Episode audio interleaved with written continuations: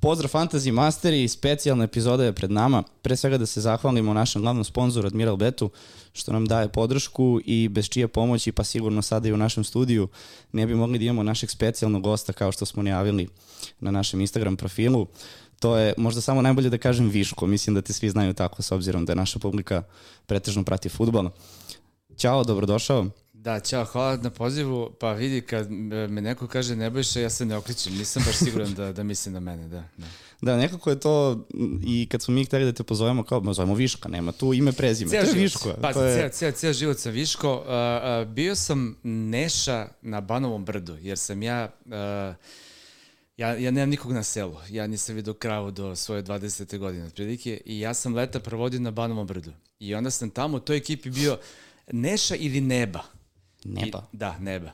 I to je jedini, jedini ovaj, odskok od viška, a onda imaš variacije viško, viška, viške, to, da, to imaš koliko hoćeš. E, za početak, ovaj, Soljim, da li te asocira nešto kad zezam s ovom stolicom? Da. To, to hoću odmah da ti spomenem i da kažem, nemoj da brinem, stolice su nove. Vidim, vidim, stolice su odlične. Uh, bio sam u, uh, to je bilo, da, u Vinkovcima pre, ne znam, 3-4 godine. Uh, I imam jedno drugara tamo jako dobro, moj klinac igra neki turnir i sedimo u tom nekom društvu i me kaže, jao, ja tebe znam. Ja kao dobro, pošto se sport klub hr gledaju u Hrvatsku i tako da, je, znaš, ono, pa direkt, znaš, Pa ti si pao za stolicu, rekao je, jesam. Eto, to je, mislim da je to, ne znam koliko je pregleda. Te, neki... Ne znam tačan broj, ali ne bi se čudio ti to ovaj, najgledani snimak na YouTube-u tvoje. Mislim da je Novak, mislim da je Novak prestigao sada sa podcastom, tu je negde blizu pola miliona, ako se ne vrem tako nešto, ali va, možda i ovo zapravo, možda i ovo oko milion, nisi sigurno. Ajde, polako, da, polako, da. da, ali u suštini znam taj snimak, to je bilo, to je, to je, to je bilo stvarno smenje, što nego, ja sam gledao uživo, baš, baš taj studio i mislio sam prvo da se zezate, znaš. I onda sam shvatio da je to, ok, krenulo na live, ajde, snađi se. I ti kako pričaš, pričaš sve si niži i niži i niži. Znaš u čemu je problem? Uh, I ove stolice isto. I sve te imaju ove dole. Aha. Znaš, ove, e sad ja, kad pričam, ja ni, ne mogu da budem miran. Uh, ja stalno mataram rukama, nogama. Isto, isto, isto ovako. Eto, I ja sam nogama to ovaj, nekoliko puta onako udario i samo, a te stolice su takve bile da su malo nezgodne, čim malo podineš nogu i malo nešto ti udariš i ja ode dole. Eto. Ajde, prvo pitanje za tebe, da li si se naspavao od Cincinnatija, ovaj, kako je proteklo cena euforija, kad si išao u krevet, kad si ustajao, kako je to funkcionisalo? E, ja prvo imam sreće što, što je sport klub jako blizu, mislim ne blizu, nego mi bukvalno dvorište. Dakle, uh mhm. -huh. ovaj, u istom bloku je televizija gde ja živim, tako da sam samo od pešača dva minuta do kuće. Ali ja došao sam malo posle tri i a, na, mislim uvek kada nije bitno šta radiš, bilo kakav prenos, kada dođeš kući, tako uveče treba ti neko vreme malo da iskuliraš, znaš, to je Ali ovo sad je bilo nešto potpuno specifično. Znaš, prvo sam se istuširao, seo, sipao pićence i uh, shvatio sam da ja u stvari ovaj, ne da nisam blizu sna, nego, nego da, da me toliko i dalje udare taj adrenalin što mi se ne pamti da mi se zapravo desilo. Eto, recimo, jedino mogu to finale Wimbledona iz 19. da uporedim sa Federerom kada je spasao na meč loptu u smislu intenziteta kako sam ja to doživeo. I zaspao sam recimo negde oko pola šest. Šest sam zaspao, već uveliko bilo svanulo, a pošto imamo uh, Jack Russella, ovaj bebu, koji je mali kreten i koji mi skače po glavi čim dobije priliku, on me budio malo, malo, tako da ne, nisam se naspavao, da konačno odgovorim na tvoje pitanje i dalje se nisam naspavao i evo, ovaj, sada kada smo uh, se dogovarali za ovaj vaš mhm, podcast. Mm -hmm, da. Ja sam malo onako sve guro, guro na kasnije, na kasnije, tako vidim, da... Vidim, vidim, da. Da, tako da, inače sam spavalica. Inače volim da spavam. A reci mi, evo sad, na primjer, kao što imaš te neke turnire koje prenosiš, koji su Amerika, Japan, Australija, kako ti generalno funkcioniše dan? Jer ti ostaneš jako, jako kasno. Kad ti je prva obaveza generalno kao sportskog novinara na sport klubu? Je to odmah ustajanje rano ujutru ili te oni poštede do tamo 4, 5, 8 uveče. Ma da, ma da, ne, nema, ne postoji taj problem, ali pre svega ja više ne radim te noćne mečeve. Znaš, to, to je već onako, to je možda malo i zloupotreba mog položaja u firmi, pa priznajem, ali sam se dogovorio da, dakle, ne mogu više, stvarno, amator sam. Evo recimo sad u Cincinnatiju, ja nisam radio ni jedan ovako meč do finala. Je sve mečevi igru posle ponoći. postoji taj neki, ajde, to ne, ne, neki nepisani dogovor između mene i direktora da do ponoći okay, posle ponoći nemoj, ne mogu više. Ovi, tako da je ovo bilo, ovo je ukalkulisano bilo, pola 11 uveče počeo meč, sad što je trajao ono, večnost i što sam došao kući 3, to je prosto tako, ali nisam zažalio. Drugim rečima, ovaj, uh, zavisi. Neki, neki mlađe kolege uh, moraju posle neprospavane noći vrlo brzo da ponovo budu na radnom mestu. Dosta je surov posao i to je ono što ljudi onako možda malo i znaš, ne shvataju i te kada malo zagrebeš u problematiku i celu zapravo ovu profesiju, vidiš koliko tu ima zamki i koliko tu ima stvari koje nisu vidljive i kada čuješ nekoga za mikrofonom da je lupio nešto, ti kažeš kakav kreten, a ne pomisliš da li je pre toga imao tu neprospavanu noć, da li je seo nervozan kao pas zato što mu je dete bolesno, zato što klima ne radi, zato što ga je neko čuknuo na parkingu pre toga i tako dalje. Reci mi, uvek nekako smo stekli utisak, više voliš da prenosiš tenis od futbola, je li tako? Pa ne, nije. Nije. Ili Novaka od futbola, možda je to bolje, a? Nije čak ni to. Znaš kako, uh, tenis kad radim, to mi je, kako bi ti rekao, kao da, kao da pijem kafu. Uh mhm. -huh. Dakle, to mi nije nik, više nikakav izazov. Ali sam zato uh, tu zaista onako riba u vodi. To mi je komfort zona najveća moguće. A futbal raditi je mnogo veći izazov. Zato što prvo, futbal ne poznajem toliko dobro kao tenis. Naš futbal je, ne mogu kažem kompleksni sport, ali pre svega je teži za komentarisanje zato što imaš 22 aktera, plus dva trenera, plus sudije i tako dalje. Ovde imaš dva čoveka i manje više to je to. Ali futbal raditi je nešto što mi u, u ovoj fazi karijere predstavlja zapravo veći izazov, a pogotovo sada kada na sport klubu više nemamo Engleze, nemamo Špance. Evo sad sam radio pre neki dan Austrijsku ligu, pre toga sam radio šta sam radio pre toga? Isto neku ligu prvi put u životu, ne mogu da se setim. Uh, radim u petak Saudice, prvi put. Mislim, e, to ćemo da, se to, do, dotaći ćemo to je najjača liga na svetu, to naravno. I, I to mi je sada izazov, znaš, to mi je sada challenge, zato što Jasno. to su lige koje ne poznam, igrači koje ne poznam i uživam u svema to. Ako se ne varam, Vladan Novaković kad je gostovao, on je mi baš pričao anegdotu um, kada je prenosio utakmicu, evo ti me sad ispravi, da li ste kad imali gruzijsku ligu na klubu? Ja mislim da nisam. Ok, ali nešto slično Gruziji? Bila je Beloruska. Moguće, ne znam. Ali znam da je spomenuo ovaj, jednu utakmicu gde je otprilike ono prosek pre, dužine prezimene nekih 12, 13, 14 slova i kaže to je to bilo neverovatno.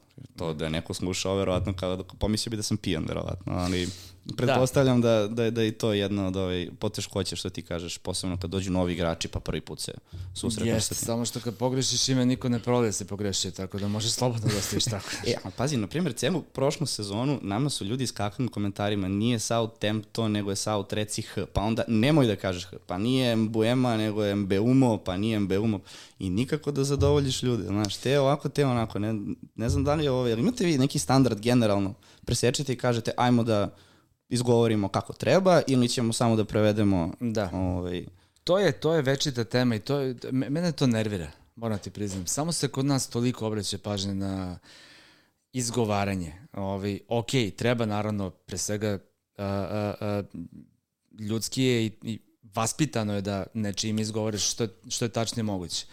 Ali kada porediš te naše napore sa strancima, pa ti vidiš koliko njih zabole da bilo što izgovore kako treba. Evo sad pre da. neki dan sam se iznervirao, nije novinar u pitanju, nije komentator, ali čovjek koji najavljuje dolazak igrača na teren u Cincinnatiju, izlazi Nikola Ćačić i on kaže Nikola Kačić. Pa majko da možeš da se raspitaš bar toliko da čoveka koga predstavljaš pred, ne znam, svim tim ljudima, još igra sa Novakom u dublu, dakle, ozbiljno je bilo, pune su tribine bile, uh -huh. da ne pitaš nekoga kako se kaže. Ne moraš da kažeš Čačić, naš Čačić, razumeću te ako to ne možeš da izgovoriš Amerikanaci, ali bar daj tu neku osnovnu pristojnost da urediš tako nešto. Sad dolazimo do toga je li Holland, je li Haaland, je li Holland. Da, to je... Pa, ali o tome možemo do sutra da pričamo. Mi smo jednom na sport klubu seli kad je uh, James Rodriguez prešao Aha, u da. Real da. i onda je bilo hoćemo James ili James. I, ovaj, I onda neki konsenzus, ja sam bio za Hames, ali konsenzus je prevagnuo da bude James, pošto on imen dobio po Jamesu Bondu. To nisam znao. Da. I onda se zapravo i on sam ovaj, voli za sebe da kaže da je James. I onda je eto ispalo da je James i onda ajde da ne bude, pošto je zaista velika razlika da imamo taj neki, ajde, Da, da, da. naš, ovaj, da, da budemo ovaj, uniformisani. Uh, svi smo tokom čitave sezone vikali James. Ali uh, kada je Solskjaer postao trener Manchester Uniteda, ovaj, on je odjednom postao naprotno Solskjaer. Uh -huh. I sad, ovaj, to je toliko, to je dostiglo tolike sad, ovaj, naš, ovaj, neke, neke, neke nenormalne ovaj, priče da, da sam ja u jednom prenosu, sećam se, sprdnje radi, ceo prenos govorio Solski Solšer. Znači, dva puta sam mu izgovorio prezime na oba načina, pa evo izvolite, kome se više sviđa. To sam rekao na početku, tako ću kažem, ceo prenos, tako sam govorio, jedno 30 puta sam rekao toliko prenosa i sad izvolite kome se više sviđa.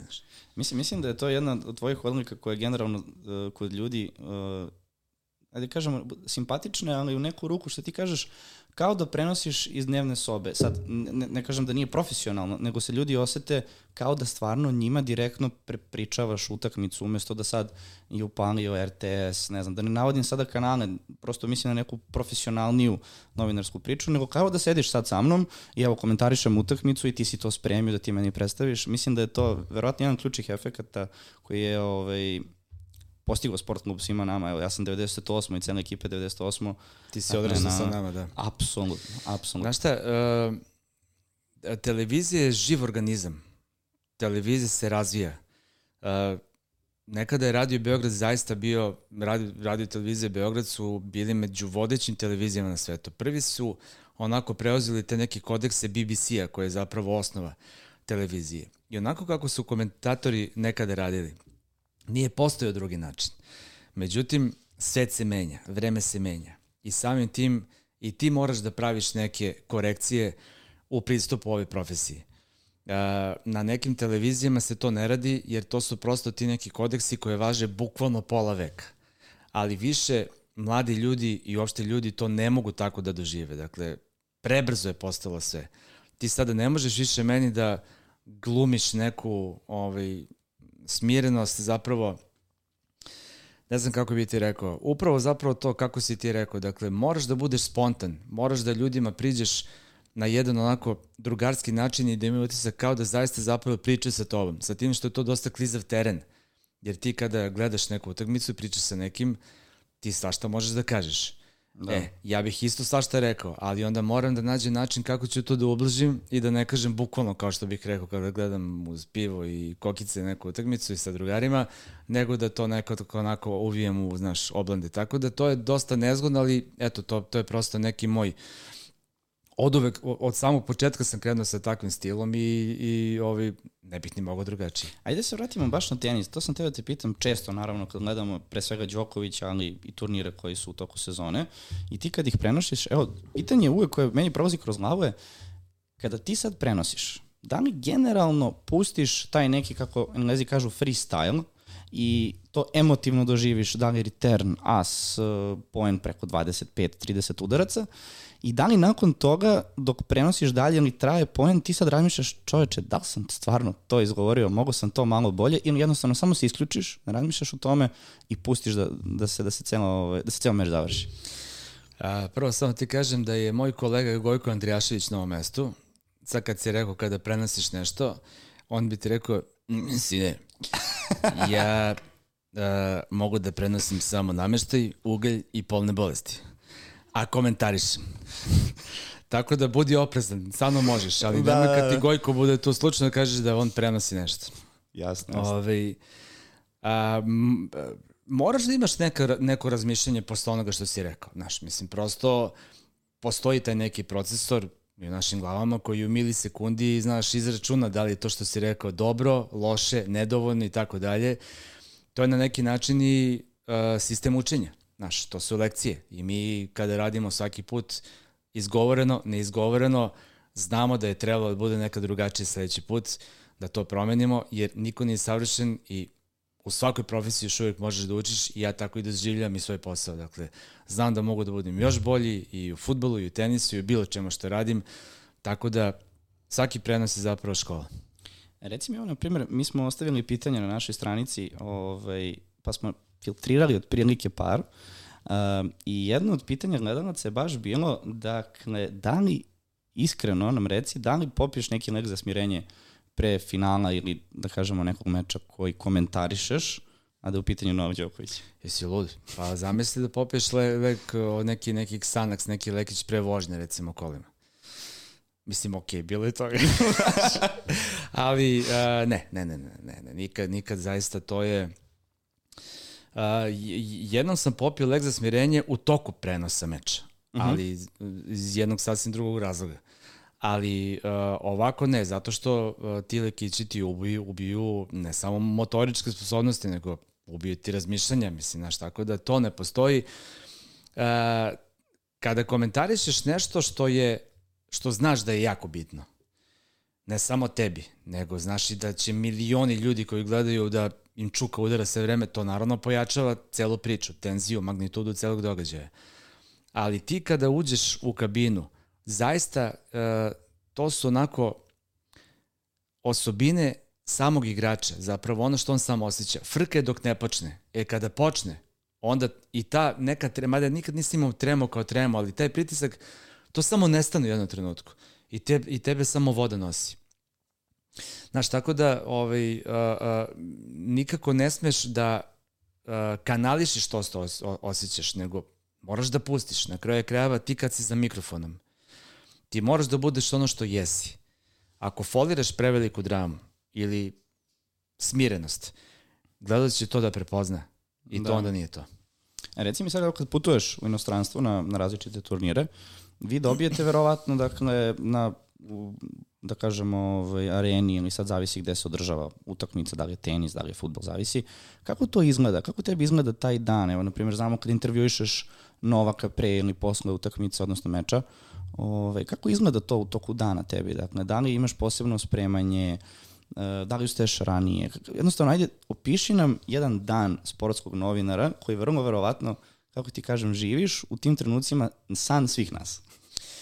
Pa verovatno, da, da, slažem se. Uh, uh, definitivno, mislim, kojim god se poslom baviš, tebi nekada dođe do ovde i ti kažeš, jo, šta bi dao da sada ne radim, to sad bi dao, ne znam, 100 evra, samo da ne, ali onda samo pomisliš, čekaj, čekaj, znači radi stvarno posao koji je privilegija.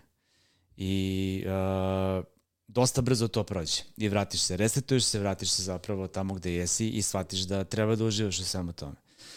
Na putovanjima I uh, u tako tim situacijama to su dani mrmota. Kada krećem negde, ono što čujem uglavnom je ajde uživaj se tamo. Uživanja nema. Dakle, tamo se radi najrudarski mogući posao. Sad, da ovo ne zvuči kao da se žalim i da kukam, naravno, to je da. privilegije i divno je. Ali, kada odemo na neko putovanje, zavisi gde smo smešteni i tako dalje, mi grad ne vidimo osim ukoliko to iz nekog razloga uh, obavezne ne dozvole. Kada je konkretno, konkretno Wimbledon u pitanju, koji sam ono absolvirao, gde sam bio, ne znam, 15-16 puta, ja već sada mogu da ti kažem da je drugi četvrtak, dakle četvrtak u drugoj nedelji, prvi dan kad ću moći da odem malo do grada da prošetam. Jer tada su polufi, ženska polufinala.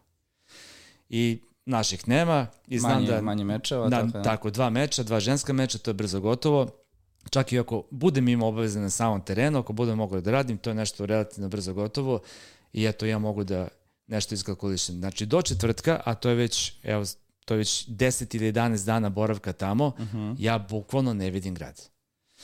Na samom događaju sve manje više isto. Dakle, zna se, izuzetno rano se ustaje da bi bili tamo, zato što prvo, ajde zavisi gde si, naravno, da li postoji ta neka vremenska razlika, uh, imaš javljanja uživo u studiju, onda komentarišeš mečeve, onda radiš izjave, onda radiš priloge, onda daješ stand za vesti i tako dalje. Dakle, opet da kažem da ne kukam, ali mi, pošto smo tu gde jesmo, mi radimo posao koji neke druge velike kuće obavljaju sa 3 do 4 puta više ljudi. Jer tamo se zna, komentator je komentator, speaker, odnosno voditelj je voditelj, imaš čoveka koji uzima samo izjave, a ovde se, mi smo, mi smo ono, sve u jednom. Ja sam to čuveno pitanje nakon te utakme, odnosno meča, izvini, ja sam i dalje na futbolu, ali uh, ta čuvena trenerka, šta se desilo sa njom? To, to, to nas interesuje. Ona ostala kod tebe, ali ide u humanitarne svrhe? Da, šta da, je? da, da, apsolutno ide u humanitarne svrhe. Ove, ovaj, mnogi su mi rekli da sam budala, ali ja ne, ne, ne vidim drugi način da, da, da to, ovaj, mislim, da, da izvuče maksimum iz svega toga, nego da probamo da zaradimo zaista neke lepe parice i da damo nekome kome će to zaista biti potrebno. E, tražimo najbolje modela da se to uradi. To je nešto što je dosta komplikovano i zbog onako specifičnosti cele situacije ovaj, a, već smo naišli neke prepreke. Između ostalog i zbog zemlje u kojoj živimo. Ali ćemo pronaći ovaj način, tako da se nadam da ćemo recimo do kraja godine već imati zatvorenu celu priču, da ćemo već prodati, da ćemo ovaj, naći kome ćemo da damo taj novac. Tako da trenerka je kod mene u sobi, sve je okej, okay, tu je lepo, sređena je, spakovana Priznaj, obukao si je sigurno par puta. A, obukao sam je, čim sam došao sa Wimbledona, tad sam je obukao i moj klinac je obukao jednom da vidi, inače... Ovaj, Koji je broj? Čekaj, je to tebi vratno malo veći, jel? A, pa nije, no, Novak je kao Štiglić. Mislim, Novak jeste više od mene, ali je kao, naš on je čačkalica, tako da je meni perfektno. Realno greota da dam. greota. Ali učinit ćemo M nekom kolekcionaru ili nekoj firmi, vidjet ćemo, koji će da onako ovaj, da lep novac za to i naravno ono što je najvažnije, ovaj, toliko ima ljudi ili institucija kojima treba novac, tako da bit će to dobro. E, koliko si na ti sa Novakom? Koliko se zapravo vas dvojica često viđate? To je kad sad sklopiš kockice, realno svaki turnir manje više Grand Slam to obavezno, dakle neka analiza, izjava, prenos mm, meča. Da, da, pa, e, pa dobro, da, na turnirima se viđamo, naravno, ali mimo toga ne. Mislim, znamo se zaista jako, jako dugo. Moje prvo sećanje Novaka je na teniskom klubu Gemax, ja sam igrao tenis, a on je bio u slačionici sa Ikom Bozoljcem i ja sam krenuo ka kolima, on trči za mene i viče sad, ne znam, Viko Viško ili Čiko Čiko, nešto ta dva, zaboravili ste patike. Da li je moguće? Da. I ovaj, to je vaš prvi susret? Pa ne prvi, ja sam već tada znao ko je on, jer meni Aha. već neko rekao, ovaj mali će da bude čudo, Ovaj, čak sam možda pre toga već imao neku, neku ovaj, pričicu sa njim, sad zaista ne mogu setim, bilo je davno, ali smo imali izuzetno, izuzetno korektan ovaj, odnos sa tim što je, naš, uvek postala ta velika razlika u godinama, 17 godina je razlika, tako da na početku je, kako bi ti rekao, ovaj, uh, uh, bio sam bukvalno koćale u nekim situacijama i prema njegove braći koje sam vodio na neka putovanja i tako dalje i a, tokom čitave njegove karijere smo održali ali zaista maksimalno korektan odnos. Evo, bukvalno ni u jednom trenutku uh, nisam osetio da je to popustilo na bilo koji način. Imali smo probleme, da kažem, naša veza imala probleme jer je bila neželjena kod nekih ovih faktora, da. ali uh, je sve to pregurano sa tim što ja i to ću da savjetujem svakoga ko se, ovi, ko namerava da bude novinar i da se bavi ovom profesijom, da nikada ne ide uh, u previše prijateljske odnose sa uh, sportistima iz njegove zemlje. To nije dobro. To je, to je onda nekako onako narušavanje intime i uh, narušavanje tvog nekog uh, objektivnog rasuđivanja prema tom čoveku. Ovako, ja nemam problem da iskritikujem Novaka i to uradim ovaj, kada god mi se ukaže, odnosno kada god mislim da treba da se uradi tako nešto, Hvalim ga naravno mnogo češće zato što je zaslužio da bude hvaljen mnogo češće, ali zato ti kažem, to je zapravo i odgovor na tvoje pitanje. Naš odnos je isključivo profesionalan i evo recimo sada kada je uh, napisao na kameri Đuško, srećan rođendan na kraju, ja nisam znao ko je Đuško, i šalju mi silne poruke, pa kao tome Marko, ovaj, tako zove Marka Burazira, kako ne znaš? Pa ne znam. Ja nisam zaista dovoljno intiman u tom krugu, nikada nismo bili na rođendanima, na da, da slavama i tako dalje. Jednostavno, ovakav kontakt zadržavamo i to je perfektno. Profesionalan, ali opet... Apsolutno. Da, jasno. Koji ti njegov najdraži, najdraži meč, evo sada, nakon ovog turnira? Ove, ovaj, sigurno imaš jedan, jedan meč koji ti ostaje da, da. obeležan. Pa Wimbledon, finale Wimbledona 19. To je, to je, to je, to, to neću nikada više doživeti u profesionalnoj karijeri.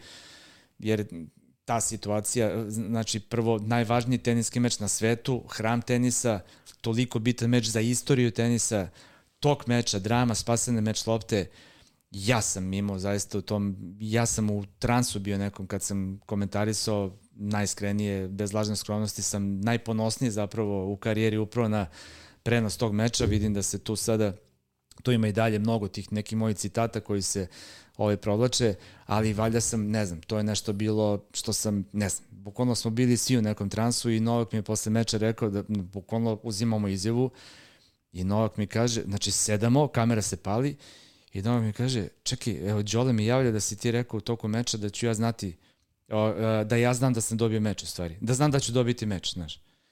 Ovi, I ja mu kažem, pa brate, ti si, takav, ti si imao takav izraz lica, jer, jer ja sam u trenucima kada je bilo najnapetije, kada je zapravo bilo bliže da će Federer dobiti, ja sam rekao, ljudi, on dobio ovaj meč. Znači, prosto, pazi, to je nešto, to ne, to ne sme da se uradi, to što sam je radio.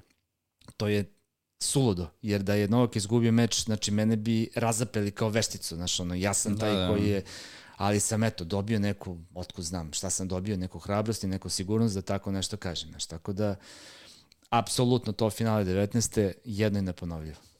Znaš šta, mislim, zamolit ću te sad, ali naravno ne moraš. Uh, to, je, to su možda tvoje dve najpopularnije reči, ne rečenice. Sjajno! Da, to je to. To, kraj. To sam hteo. Nisi, nisi ne mora da platiš, eto, ok. da. Druga, znaš koja je druga? Divno! Ok. To je to. Mislio sam da ćete ubeđivati pet minuta, ali... ja sam laka rob, samo kažeš i to je to. Ove, ovaj, evo možda, možda malo ovaj, posljednje pitanje u vezi tenisa, da, da ne dužimo previše, ali možda onako malo tužno pitanje. Šta ćemo mi za jedno 3, 4, 5 godina. Ajde da, pa da ništa, ja ću da se, ali... ja ću se zaposlim u nekoj, ovaj, pravit ću pljeskavice i tako nešto. Bio je, napravili su mim posle Wimbledona, ovaj, neko je napisao šta će Viško da radi kada Nova završi karijeru i to, pravit će pljeskavice. A, pa ne, vidi, a, to je malo neobično, ali uh, na neki način pre pojave Novaka Đokovića uh, je meni bilo lakše pratiti tenis nego sada. Da sad ne objašnjam zašto i kako. Ima tu mnogo i ovaj, socijalnih i ekonomskih momenta. Ali uh, mislim da sada već tenis posle ne samo Novaka, nego svih ostalih dovoljno ušao u uh, sistem, u DNK ljudi s ovih prostora, da tenis bude dovoljno popularan da uvijek ima mesa, kako mi to da, da volimo da, prati, da kažemo, jasno, da, da se prati. Sa jedne strane, Novak je napravio veliki problem srpskom tenisu. Zato što naš narod sada, kada vidi Hamada Međedovića da mm -hmm. je 50 i on je 50 brate, kako mislim, dobro, Hamad je 150 ali evo ti Duci Lajović, evo ti Fići i tako dalje. Ako nisi prvi sada, to nije vredno pomena. To je jezivo, dakle, to je nešto što, pa čuvena je izjava Janka Tipsarevića koji je rekao šta mi vredi što sam osmi na svetu kada nisam prvi na Novom Beogradu. I to je živa istina. da. To je živa da, istina. Da. Janko bio osmi fucking igrač na svetu. Psujete vi u podcastu. Od, omakne se ponekad, da? Šta? Jel psujete ponekad u podcastu? Ma slobodno, da. ma slobodno. Znači, osmi na svetu i, i ništa. I na taj način, da se ne lažemo, ovaj, mnogi igrači koji bi imali i veću podršku nekih sponzora su mm -hmm. izgubili. Da. Zato što praktično sve ide na Novak. I to je taj jedan negativan efekat njegove ove dominacije. Ali kažem ti, a, mnogo klinaca igra iako i dalje ni blizu kao što bi trebalo, ali tu je prosto napravljen neki sistem, imamo sad tu neku bazu da bude dovoljno ovaj klinaca, da bude dovoljno dobrih igrača i da samim tim bude popularan i da i novinari koji se bave tenisom prevashodno imaju leba da jedu. Šta misliš od ove mlađe, mlađe generacije tenisera? Ko ti je zapravo omiljen, odnosno najdraži i da li misliš da će se pojaviti opet neki duel ili tri igrača, četiri koje mogu da pariraju, da kažemo za to broj jedan mesto nakon Novaka, to je jedno dve, tri sezone, mislim i Medvedev i ostali neće biti toliko mladi zapravo kad se to desi, ali evo, momci 18, 19, 20 godina, tu su, to je to. Pa, do, mislim, pazi, tu imaš Alcaraza, naravno, broj, broj jedan. Sad svi se pitaju da li će on dobiti neku konkurenciju. Ja mislim da, evo, Novak će igrati još sezonu dve, vidjet ćemo, ovakvim intenzitetom. Kada se Novak bude povukao, u ovom trenutku realno, Alcaraz nema konkurencije. Međutim, istorija tenisa nas uči da nikada nije postojio jedan igrač koji će da dominira. Taj jedan povuče za sobom rivale. Dakle, da li će taj Alcarozov jedan rival biti Siner ili će imati dva rivala, Runea, ili će se pojaviti neko dete koje sad ima 14 godina, koje će za 5 godina da bude vrhunski igrač i da ih sve tamani, to zaista ne znamo, ali bi trebalo i moralo tako nešto da se desi. Ako se ne desi, to će biti jako loše za tenis, jer dominacija jednog čoveka bi zaista prosto ubila draž, ubila popularnost, ali kažem ti, mislim da je tako nešto nemoguće. Jasno. Ajde mi da se prebacimo na futbol. Ajde, da dođemo e, na tvoj teren, kod vidim da mi cupkaš sve vreme. Tako, ne cupkam, ne cupkam, ali s razlogom postoji futbolski teren tako, za stolom. Uh, znaš šta me evo interesuje za početak? S obzirom da sam ja navijač Manchester City-a od malena uh, i pamtim tu čuvenu utakmicu City Crystal Palace. Uh, Queen's meni, Rangers. Uh, šta sam rekao, izvini? Crystal Palace. Bože, QPR. Dakle, to je da. Queen's Park Rangers. Uh, ta utakmica, uh, sećam se da kad si je prenosio, kada je Aguero dao go, uh, znam da si se prodrao go i tišina. I to je trajalo jedno, ne znam, 15 sekundi možda. Tišina, tišina, tišina i nastavljaš ovaj, uh, uh, uh, komentarisanje. Jel samo nisi u tom trenutku znao kako da objasniš šta se dešava, jel si ti u neku ruku, ne kažem proslavio, ali bio oduševljen kako se sve poklopilo ili... Eto, to mi je baš bio moment. Ovaj, znam... A prvo mi kaže, se tebi to svidelo, ta tišina? Uf, mač sa dve oštrice. Iskreno, u jednu ruku da, jer osjetiš se kao da si na terenu u neku ruku. Odgovorio ste na moje pitanje. Znam, znam da. vas tako. Sa druge strane ali... ti trebalo nešto da ti još ono pogore. Tako je, onaj moment Aguero kad se dere, to je onda, znaš, ti kad gledaš da. opet, delo je bolje. Ali možda u tom trenutku jeste. Mač sa dve oštrice, zašto ne? Ja čutim posle gola uvek. Dakle, to je nešto što sam, ajde da kažem, uveo Uh, možda ne od prvih uh, prenosa koje sam radio, ali znam da sam od recimo svetskog prvenstva 2006. to ubacio kao obavezno.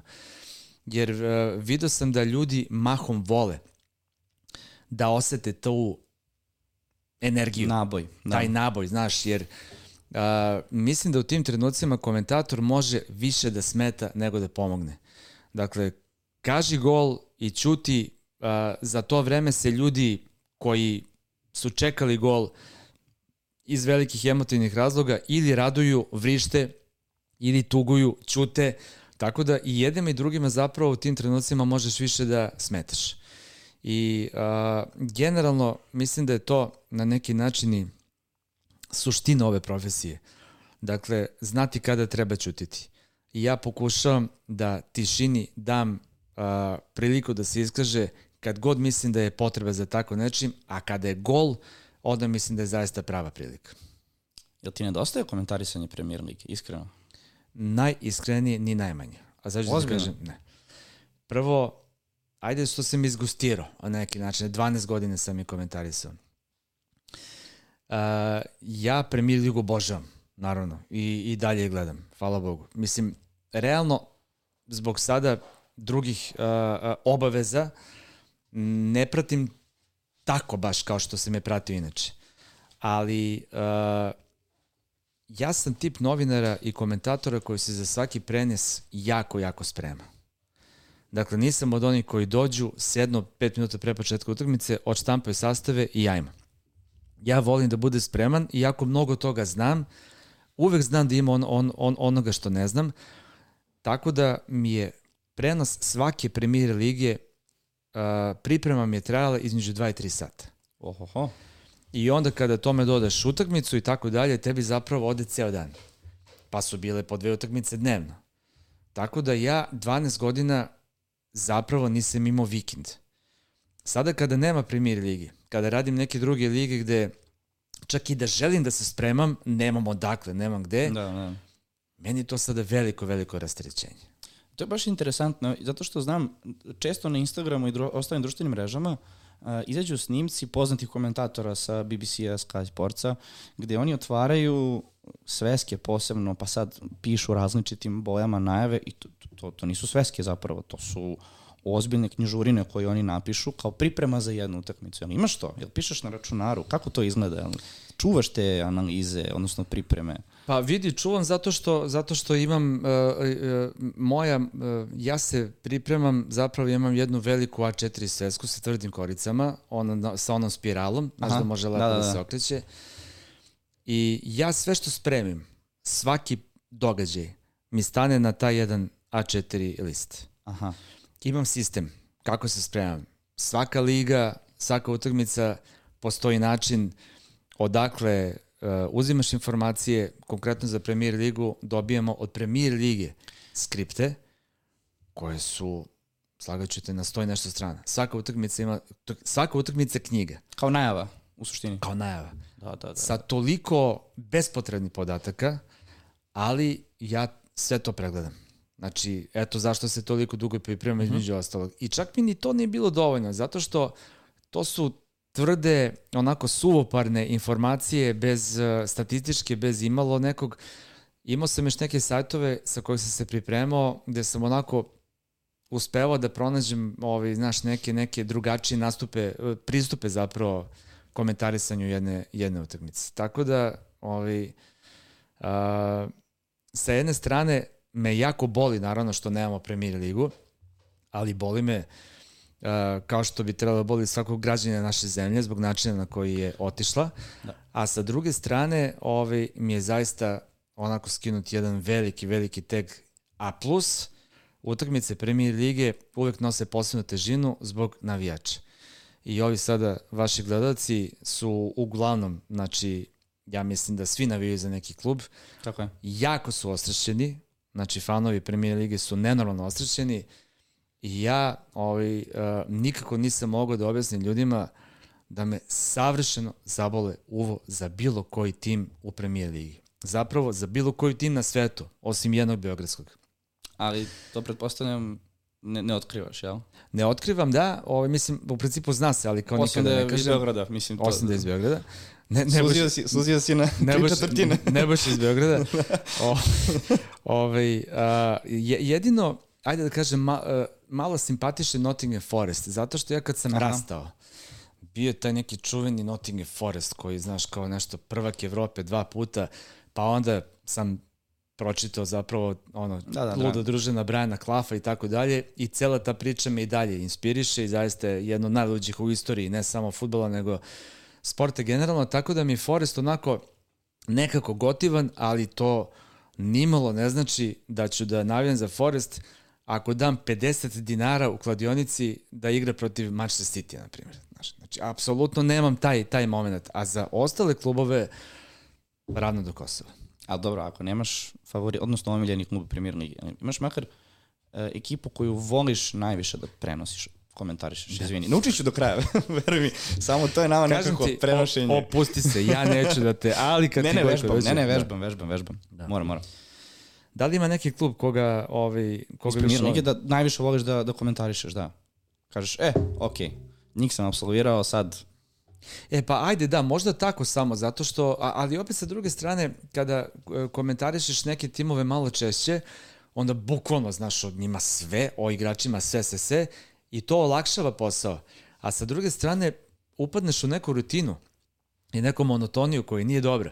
Pa je dobro da dobiješ neki klub koji, za koji nisi zapravo toliko vezan profesionalno i nekako ti onda do, dođe kao, kao neko osveženje. Uh, jedino gde sam pravio razliku, volao sam one klubove koji igraju lep futbol. Znaš, da znam da će biti golova, da će biti dobar prenos i tako dalje. Da. Inače, da. ovako, ovo, nisam volao da radim nikako klub u čim se sad adresu. Da, to je nekako postao ovaj, ne znam, kako dođe gost, ja sam u Atletico Madridu. Ne znam zašto. Slučajno sam prvi put uzeo i onda sam odlučio, eto... Ima neka sila koja te vodi, ta, da, to. Ne znam. I evo sad kad sam ga uzimao baš iz Fioke, prvi koji je stavio gore, da. Atletico Madrid. Ne znam, ne znam, ovaj, uh, ima, ima ta, ovaj, uh, mislim, u principu, samo, samo nisam volao da radim zbog toga što znam da će do 30 minuta biti 0-0, znaš, i da će čolo onda da se otvori u drugom polovremenu, eventualno da je jedan gol i to je to, znaš, tako da to je onako... To je malo teže. Inače ima recimo jedna anegdota, Ove, znam da voliš anegdote, svi vole Obo, da. anegdote. Da. Nije to anegdota u stvari, nego, uh, ne znam, radio sam El Clasico 4-5 puta. Dobro. I uh, postoji ta dobra priča uh, za generala Franka, uh, kako je uh, jedno vreme da sad malo duža priča, traje recimo 40 sekundi, kad kaže malo duže, to je za uh, kada prenosiš futbolsku utakmicu mnogo. Kako je sedao na dve stolice, kako je favorizovao i Real Atletico i tako dalje. I sada, kad komentarišeš futbol, uh, za jednu tako potpuno uopštenu priču, tebi treba jedan potpuno mrtav period igre, tako? Dakle, to ne smiješ da pričaš kad je korner, ne smiješ da pričaš kad je akcija i tako dalje. Nego ti treba trenutak kada misliš da se u narednih 40 sekundi neće ništa desiti. I kao za inat, svaki put, ja odaberem trenutak, neko recimo šutne u tribini, ja sad kapiram dok se lopta dođe, dok mm -hmm. ovi nameste, dok krene i tako dalje, ima vremena i svaki put on izgube, izgube loptu tu negde pred kaznenim prostorom i bude gol šansa za protivnika i ja moram da prekidam tu priču. Svaki, svaki, svaki put. I onda šta ćeš? Hoćeš onda da nastavljaš tu priču posle nekog vremena, što je bez veze, ili ćeš da iskuliraš što je još bezveznije. Tako da eto, to je recimo jedna od, da kažem, ajde, tih nekih ovaj, tajnica ovaj, kada komentarišeš, što tebi ne pane na pamet da mi komentatori imamo, eto, recimo, problem tog tipa čim mi ne padne na pamet, odnosno ne primetim, znači da si dobro odradio manje više, odnosno izračunao si to. Pa, verovatno, minutažu, da, da. Ili da. recimo kada radiš tenis, ti moraš da znaš navike svakog igrača, moraš da znaš uh, koliko on vremena uh, provodi između poena. Uh mhm. -huh. I kada, ne znam, kada servira Nadal, ti za to vreme imaš vremena da, iz, da ispričaš rat i mir jer to traje, traje dok znamesti, dok izađe iz gaća, da, da, da, da, da, jedno, da, Tako je. A kada Serija Medvedev, ti kažeš rezultat i gotovo, nemaš vremena ni za što drugo. Znaš, tako da mi moramo se bavimo i matematikom. Stalno razmišljamo koliko ima vremena i to što pričamo moramo da izračunamo, da kažemo za određeno vreme. Mnogo je zajebanije nego što se misli. Reci mi, neki mi tvoj, tvoj omiljeni lapsus, sigurno se sećaš, evo, u futbolu, može u tenisu, kako god, ali da ti onako baš da se sećaš da ti ostavio utisak si nešto lupio, kako mi to volimo da kažemo, ili da, da si pogrešio. Ili... Da, ja, ja sam jednom, ja, ja, ovi, ja lupam, ja lupam dosta, ovi, recimo neki moje kolege su operisane od toga, to je nevjerojatno, dakle, ne znam, Vlada Mijaljević recimo nije napravio lapsus u životu, osim Zenkija, to mu se baš onako omaklo. Uh, Vlada Živković, moj sa sport kluba, ja mislim da u životu nije napravio grešku. Ja i takako ne napravim grešku tog tipa. Ovaj, I jedno sam dobio nagradu za Mr. Lapsusa koju dodeljuju novosti, ali bez veze bilo, zato što to nije bio lapsus, nego sam to rekao namerno. Dobio sam lapsus za rečenicu uh, Andy Murray je uh, juče izgubio je današnji meč. Što je zapravo bilo aha, zato što juče na terenu proveo tri i po sata, trebalo je dva sata, došao je danas mrtav umoran i zato izgubio meč. I onda mi daju nagradu, kažem, ljudi, da li ste mi za ovo nagradu, a ja... Ja sam to hteo da kažem. Ja sam hteo da kažem i toliko, i toliko imate kod mene izobilje lapsusa koje se mogli da odaberete, zašto ovo? Uh, ostalo mi je sećanju, radio sam, mislim, opet i tenis bio u pitanju, ovaj, uh, ajde imam dva. Uh, Uh, tenis radim uh, neki noćni, to je bilo još pre recimo 6-7 godina, još sam radio noćne mečeve. Tipsarević je saradio iz Majamija, recimo. I u jednom trenutku u kadru njegova čerkica, Emily, koja se igra sa nekom lutkicom. I ja sad kažem nešto što sam rekao i dobijem poruku posle meča, a već je bilo jedno tri ujutru, možda i više, Ozmo mi piše uh, brate, si ti rekao da je mala Emily našla zajebanciju? Ja kažem, si lud, brate, nisam, naravno, znaš, ono, međutim, njega nije mrazolo i pošalje mi. Dakle, ja gledam kako se devojčica igra Aha. i hteo sam kažem da je mala Emily našla za animaciju, ja sam mrtav vladan rekao za jebanciju. Ono što je bilo neverovatno je da to, osim Ozma, niko nije registrovao. Je li moguće? Niko, pazi, ali to je već bilo baš ono kasno, kasno noću ja. i verovatno zbog toga, obično dobijem milion poruka, niko mi nije poslao poruku. Ove, ovaj, sutradan je bilo naravno zezanje ovaj, na tu temu. I bilo još recimo, uh, kada, ponekada kada radimo, mi u kabini imamo naravno feed, kako mi to kažemo, sa događaje koji radimo, uh mhm. -huh. dakle sliku. A sa strane imamo TV. TV gde ono, ide ovaj prenos tog događaja ili pustimo šta hoćemo. I sad radio sam neki tenis i ponekada, znaš, pustiš nešto drugo što te zanima. Mislim, mogu sebi da dozvolim posle ovoliko vremena da mogu da komentarišem nešto, da, da, jasno, a da gledam jasno. neku futbolsku utakmicu za to vreme, znaš. I radio sam neki tenis, gledao sam neki futbol i u jednom trenutku gledam ovako. 2-1. ne, offside. Čekaj, u sred pojena. U sred, mislim da nije bio poen, nego da je bila tišina tada, znaš, zapravo između pojena. A sam rekao offside. Jebote šta sad? Kako sad da se izvučeš? Šta? I onda sam naravno čuta. Mislim šta da radiš, to je potpuno... Tu nema da, izvlačenja, da, da. znaš, tu nema šta da šta god da kažeš, to je... Generalno kada lupiš, kad napraviš grešku, nije to što si lupio, nego je poenta kako se izvući. Jasno. Da. A ako uspeš da se izvučeš na neki šaru, na neku foru, to zapravo pretvoriš u, u ono Uh, da, eto recimo radio sam Chelsea Manchester United, ja mislim, da je baš bilo i bio je posed u mhm. jednom trenutku. I Chelsea imao 69, ovi su imali 31. I ja kažem, ovaj, evo, ali to je uvek tako, Chelsea voli veliki, United voli mali. I sad kao, zrikavci se čuju. Po... I kad sam shvatio šta sam rekao, onda sam sam rekao, u posle, ovo baš nije zvučilo dobro. se ne sećam toga. E, imaš to, imaš to, stvar, pravi su, ćemo, naći, pravi su rilove, ono to, da išlo je odmah. To je bilo pre jedno 3-4 godine. Da. Da, da. A da ti kažeš da li ćeš da prećutiš i samo nastaviš dalje ili ćeš da okreneš na, ali na ti imaš, Ali ti imaš da... dve sekunde da, da, da smisliš i da odlučiš da ćeš da se vadiš ili, ili znači, inače ode voz. Ako ćutiš, gotovo. E, na primjer, mene, meni je to bolje nego kad čujem tokom 30 minuta utakmice miš, kako klikće. I sad ti, to, ja ne znam, znači to kad čujem meni to liko to ide na živce. To nije krivica Ne, ne kažem, naravno, znaš, naravno, naravno. Da, ovaj, to je, ali... evo recimo, na ovome bi se čulo, znaš, to je, zavisi da, ovo, kakav je, kakav ovo je, površina, sto, da. kakav je sto, kakav je miš, ponekada zavisi da li, znaš, mi imamo ove slušalice, ovi na, ovi, uh -huh. na mhm. mikrofon na slušalicama, ponekada zavisi da li se komentator, znaš, sagne, pa je blizu taj mikrofon ovaj mišu i, znaš, sve, sve to ima neko. Jel vam pošli neku poruku ako se to desi? E, čuje ti se miš. E, čuje bilo se ovo. Da, pa, bilo je, bilo. i onda ispraviš. Pa, mislim, šta da radiš, sad zavisi, ono, udaljiš miša ili da nađeš neku podlogicu eventualno, ali opet može da se čuje. E, reci mi te vratim sad, evo, ovaj, opet City, ali ispostavilo se tako da je posljednji prenos bio utakmica Manchester City Aston Villa. Uh, uh, gde ja sam otprilike imao pritisak 200 sa, sa 180 u jednom trenutku, ali sigurno možemo reći da ako si birao u te sezone neku utakmicu kako će se završiti, prenos onaj, ona utakmica je bila stvarno za anale, za anale. Uh, ta tvoja odjava i posle utakmice kada je bila dodela titule i kada si pričao, se ne sa Gojkom, mislim da ste bili u studiju. Tako je. Ovaj, primetili smo svi da su vas uhvatile malo emocije.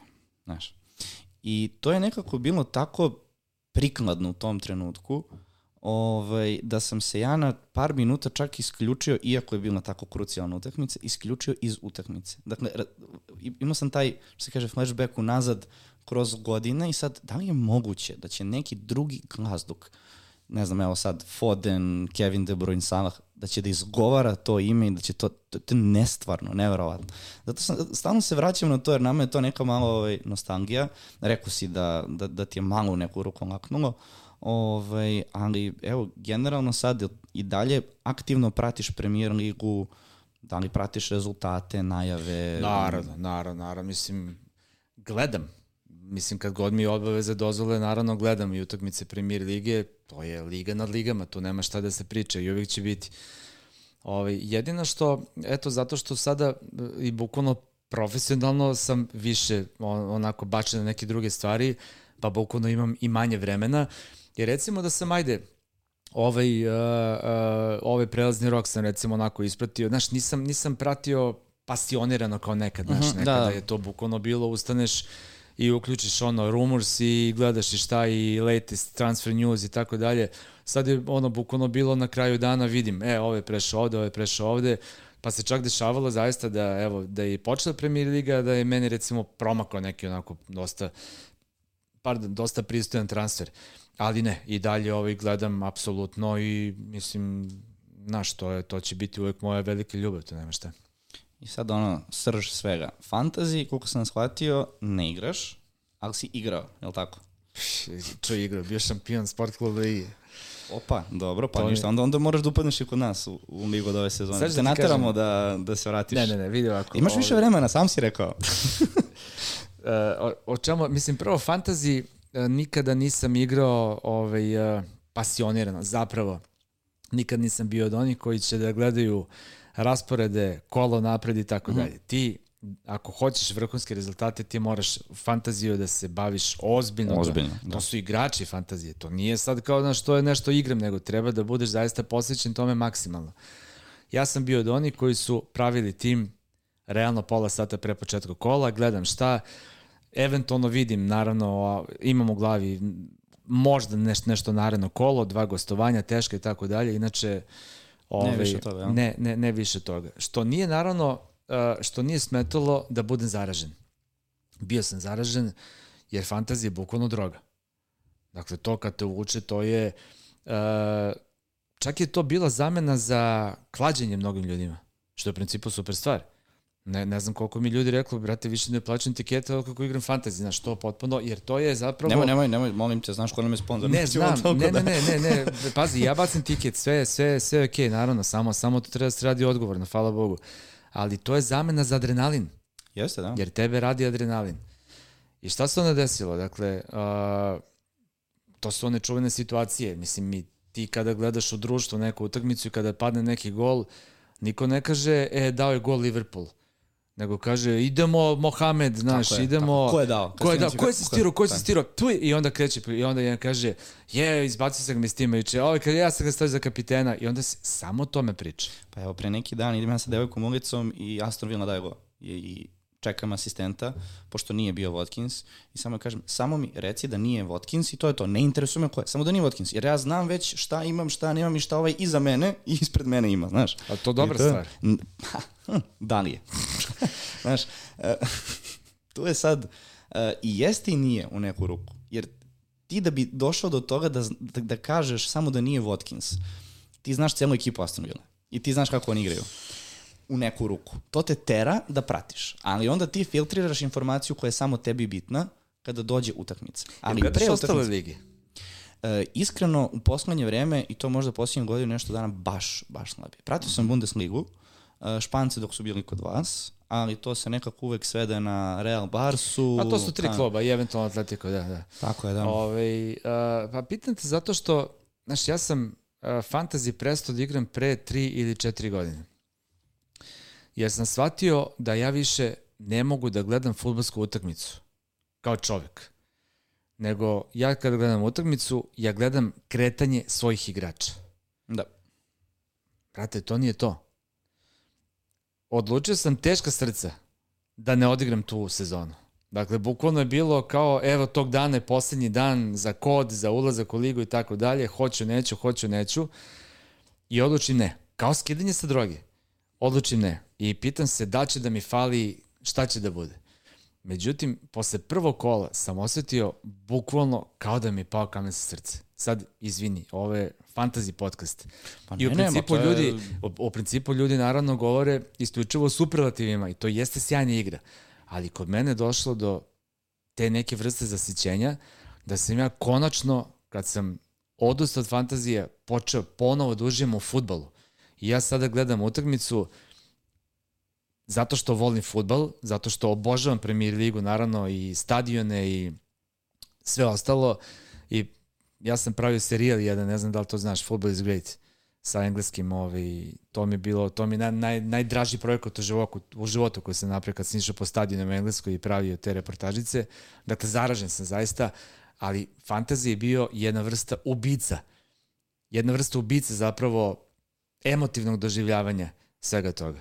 I zaista od tog trenutka, ne da se nisam pokajao, nego evo, i svaki put dobijem ponekada pozive ljudi, ajde u ligu, ovo, ono i tako dalje, i samo svima kažem ljudi, stvarno ne igram više fantazije. Vidi, da te ja sad ne bi onda zasitio sa previše pitanja iz fantazija, onda je meni ideja da mi malo proćaskamo naredno kolo, s obzirom na to ljudi dosta vole da čuju.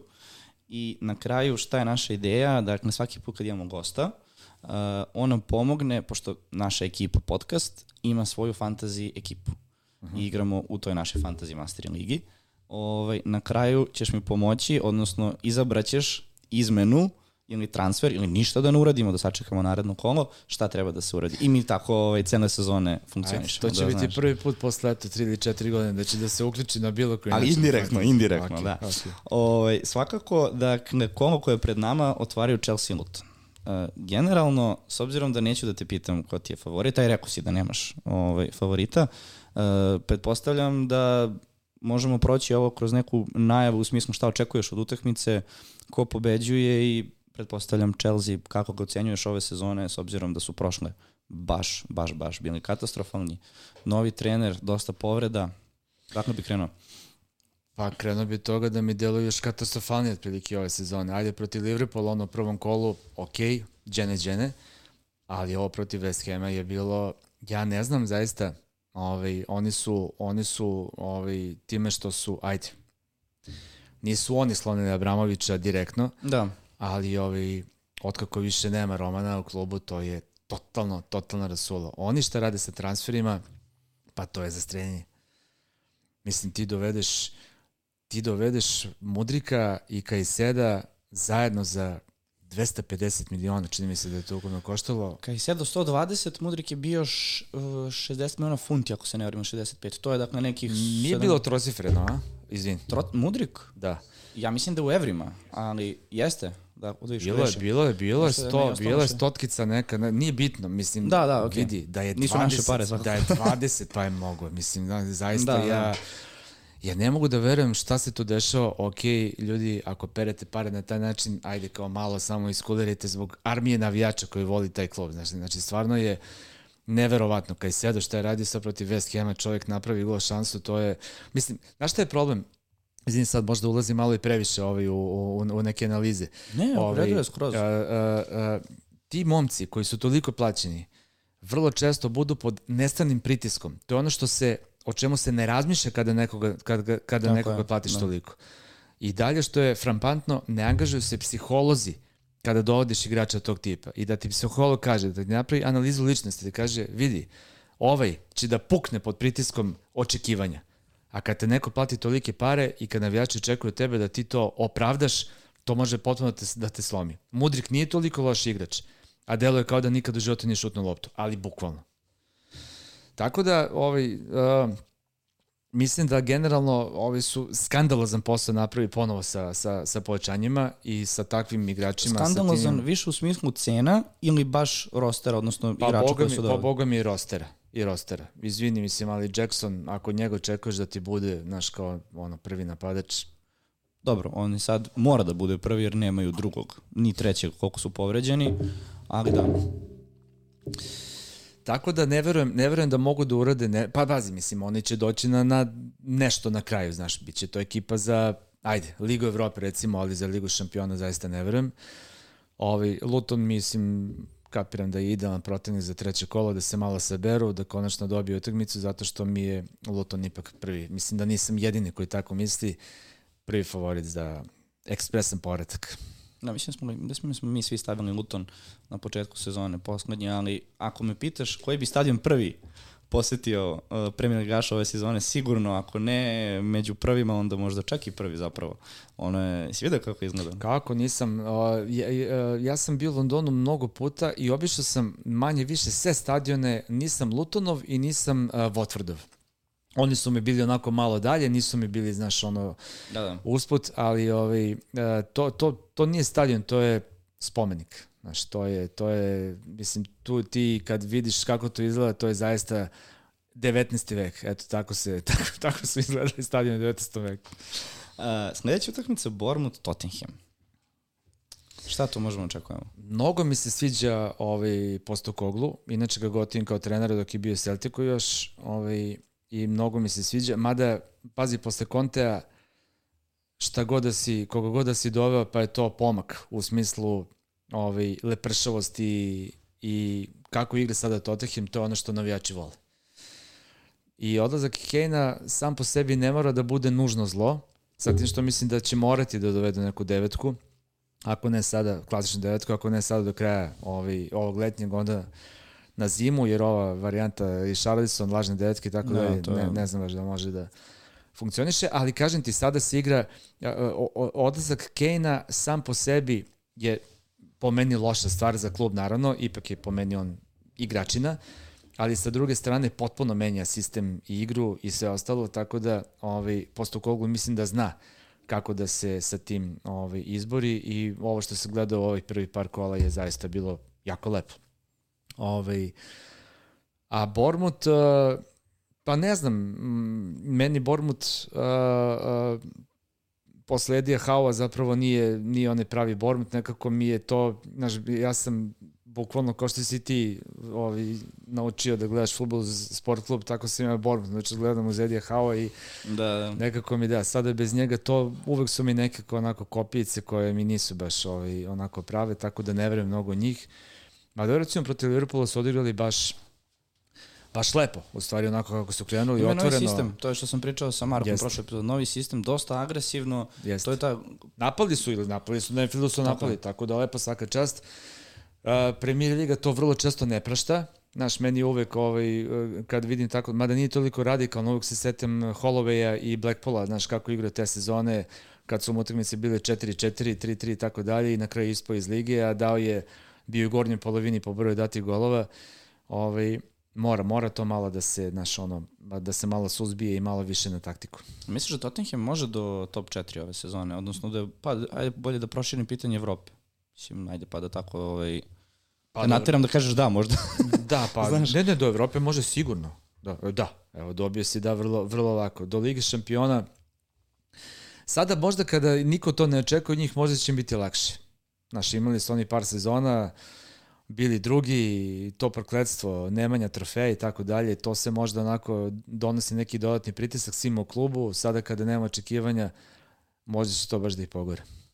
Jel imaš nekog baš igrača kog bi izdvojio iz Tottenhama, možda da si ga primetio? Dobro, jesu dve utakmice tek odigrane, ali od ove sezone ti se baš svideo.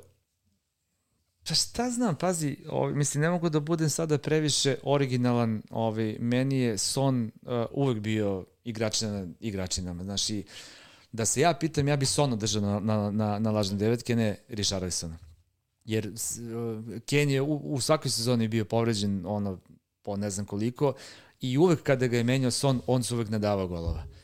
Ali ajde, vidjet ćemo, ovaj, Australijanac ima neke malo drugačije zamisli, možda to ne znači da će biti tako i dalje, ali eto, kažem ti, Sona sam zaista od uvek onako jako, jako volao. Inače, od osih igrača realno da zaista nemaju, nemaju neke, neke mega zvezde. Ja uh, Hobjet ga volim, ovaj, iako nije naravno nije ono čarobnjak sa loptom, ali mislim da on rađuje strašan deo posla. Vidim da ovde sada u ovom sistemu nekako baš i neće da se naigra futbol, čini se kao kod Kontea. Uh, ali ovaj, meni je on mnogo, mnogo zahvalan igrač. On, on ne igra za statistiku, naš, on ne šalje. Radilica, da. Da, ali radilica koja traži kreativno rešenje, a ne ono kao daj prvom do sebi da bi dobio naš još jedan dobar pas i tako dalje. Ne očekuješ pobedu Tottenhama na gostovanju? Da, ili? da. da. Pobed. Uh, sledeća utakmica od 14 časova, to je subota. Uh, Arsenal dočekuje Fulham. Sad moje prvo zapravo pitanje je da li očekuješ od Arsenala iznenađenje, da li bi to naveo kao iznenađenje, možda da osvoje titulu, ko, ko je tu glavni pretendent zajedno sa, sa, sa Cityjem, da li ti deluju bolje, slabije nego prošle sezone sad na otvaranju? Pa imaju nekoliko velikih povećanja, znaš, Rice je meni jako dobar igrač, ovaj, uh, Havertz isto, samo što mu treba naći pravu poziciju. Sad je tu veliki Artetin zadatak da ga uklopi kako treba i veliki, ovaj, veliki plus je odlazak Džaki. Mislim, on je bukvalno vukao klub ovaj dole. Um, ne verujem da mogu da se, da se bore za titulu. Prvo, uh, Arteta ima jako mali izbor kvalitetnih igrača. I to što je radio u prošloj sezoni je bilo zaista fenomenalno i uh, ako ih poteraju povrede ove godine, kojih nije bilo prošle godine, ako ih sada poteraju povrede, ja mislim da će to biti mnogo loše sezone nego, nego ona prethodna. Povrede su već krenule, to je, to je prva stvar, ali kad kažeš manji broj igrača kvalitetnih, uh, to smo baš mi naznačili prošle sezone, da će to biti glavni problem Arsenala. Kako sezona bude odmicala. I sad sa ovim pojačanjima nekako bi taj argument trebalo da nestane zar ne? Znaš, uh, defanziva. Ali... Defanziva je po meni najveći problem. Znaš, ja tu ne vidim kvalitet i bojim se da će tu, mislim, kad kažem bojim se, bojim se u smislu ljubitelja futbola, naravno. Na, na. Kakav se. Ovi, ovaj, da tu mogu bi, da, da, da, da tu može da bude veliki problem. Znaš, mislim da bi, da bi mogla da bude odbrana dosta, dosta šuplja. Demo je, demo je da je promenio sistem. Demo je da kopira sistem City od prošle sezone sa tri štopera, odnosno sa tri ovaj, igrača u, u, u odbrani i zato je doveo Timbera, ali on se sad povredio skoro na celu sezonu, tako da ako je po nekim očekivanjima sa Twittera, poznatih Twitteraša, jel?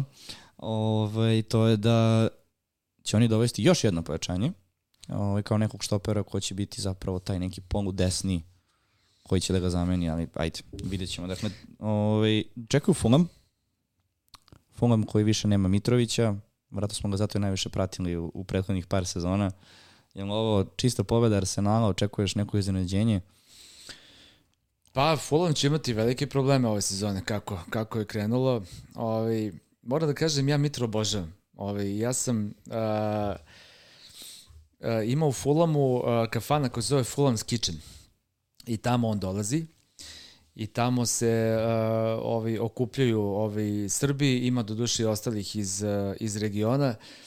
I tamo smo časkali pre nekoliko godina kada je zapravo uh, pre početka prošle sezone kad su se vratili iz Čempionšipa u Premier ligu i kada je došao Marko Silva i kada je ovaj uh, Mitar onako vrlo uh, uh, pametno, vrlo strateški izdestovao jedan fenomenalan ugovor za sebe i ovaj, priča mi koliko mu zapravo Fulham odgovara i kako bi volao da završi karijeru u Fulhamu.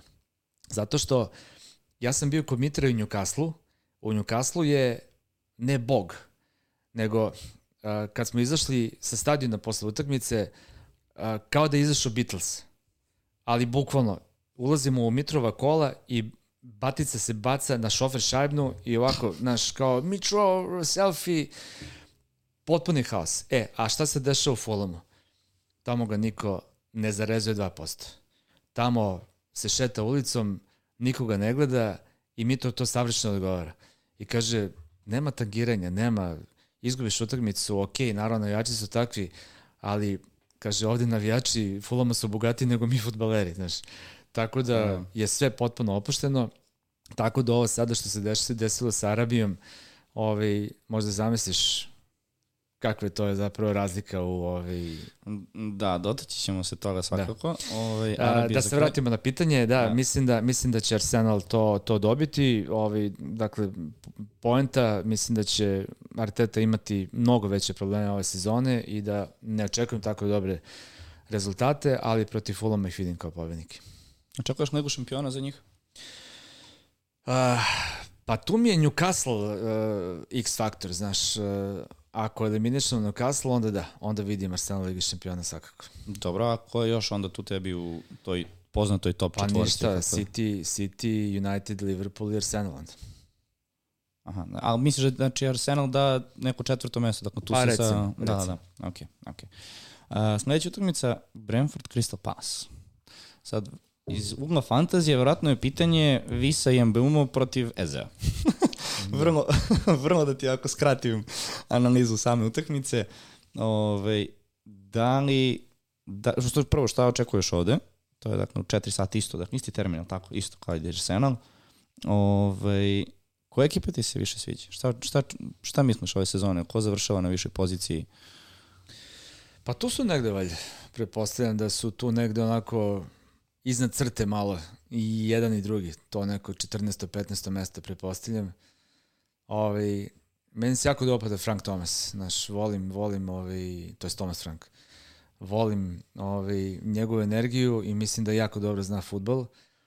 Sa druge strane, imamo najstarijeg čoveka ovaj, u, u, ikada. ikada ovaj, međutim i dalje dede dobar. Znaš, i dalje on očigledno razmišlja vispreno, zna i tako dalje. I Rezultati su tu 100% uvek.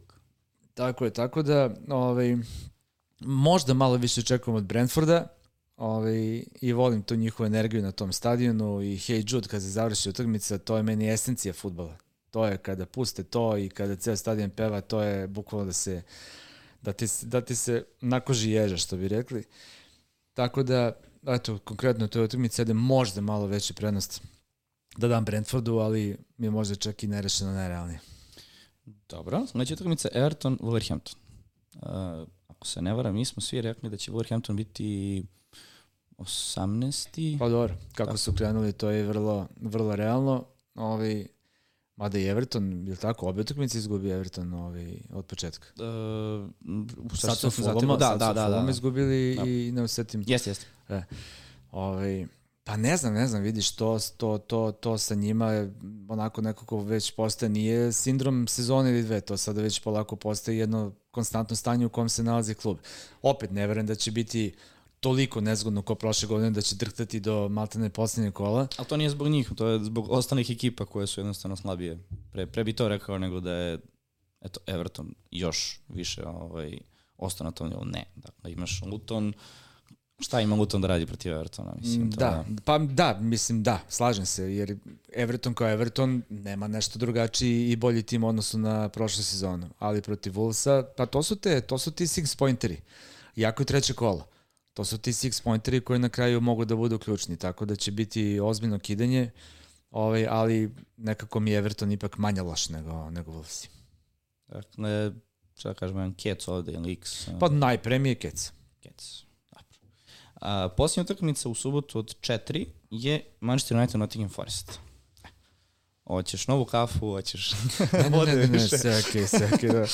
pa da što si spomenuo Nottingham Forest, a za Manchester United gde krenuti, koliko ovaj, stvari spomenuti. Ten Hag, prvo, da li si za njega, protiv njega, kako ti deluje pojačanje koje je doveo, pošto trenutno deluje da smo svi nekako od početka sezone očekivali više od Uniteda, makar korak više, za sad deluje da to nije to. Iako, ako kažemo da se pojutro dan poznaje, ajde da vidimo, ali evo, redom. Pa evo sa, sa, sa, onanom, sa onanom je pogodio. Očigledno, dakle, to je izu kojih je strašno branio. Ovaj, pa ja, ja mislim da, da United mora da dovede ovaj, napadača. Još jednog. Ali pravog. Dakle, meni Rashford nije devetka. On je on je po meni onako ajde, može da igra naravno devetku po potrebi, ali kada ga malo stavi sa strane, tad je realno naj, naj ovi, produktivniji i za Marsijala isto to može da se kaže, tako da neka prava devetka, a da nije Weghorst, hvala Bogu, ovaj, mislim da je to ono što zaista nedostaje United u ovom trenutku. Prosto United mora da ima, da ima jednog van istorije u svakom momentu. Znaš, i nekako je to ta neka politika kluba i profil kluba da je uvek dodavao toliko kvalitetne napadače, pa sad ovi, ne znam, ako će da se kocka, mi, po meni je kockanje, da, da, da, da ne igra sa, ovi, da nema zapravo pravo kvalitetnog napadača. Pa, pa ćemo da doveli su Hojlunda, dakle, i to ne za Vidi, to mi je to, da, ali to, ja mislim, naš, da, iz takve lige da dođeš u ovakvu ligu, to je, to je mačka u džaku, realno. Dakle, i on nije Haaland. Znaš, to nije nešto što može, mislim, što nije poredivo u ovom trenutku a on nije ni igrao sad na početku nešto mnogo, tako? Nešto on je, je sve vreme povređen. Zapravo, od kako je došao, oni su njega dakle, doveli, izašla je vest da, da je potpisan i naredni dan izašla vest da on zapravo povređen u stvari, da, da, da neće startovati sezonu. Izgleda da je povreda sad još i ozbiljnija, pa će duže odsustovati, da. ali dalje se ne zna. Da. Eto više, recimo, to nisam znao, to, to, ali ovaj, vidim da ga nema u timu, ali kažem ti nekako, da, da. dečko, jeste zaista ovaj, ono što je radio je bilo čudo i u reprezentaciji, ajde, ali ovako čini mi se da za ovakvu jednu ligu da ne možeš imati efekat poput uh, naš Halanda i da će to morati da morat će da prođe neko vreme aklimatizacije, uh, pojačavanja kvaliteta, učenja kako da igra jednu tako snažnu ligu. A misliš da je Ten Hag rešenje na nekom dužem putu ili... Pa znaš šta, uh, mora neko da bude rešenje. Znaš, posle ovaj Fergusona su, su toliko postali nestrpljivi tamo i svi očekuju odmah iste rezultate, a Ferguson, opet sad se malo vraćam na, na efekt Novaka Đokovića. Koliko dobro radio za United, toliko je sada problem. Sada više ništa Tako ne valja.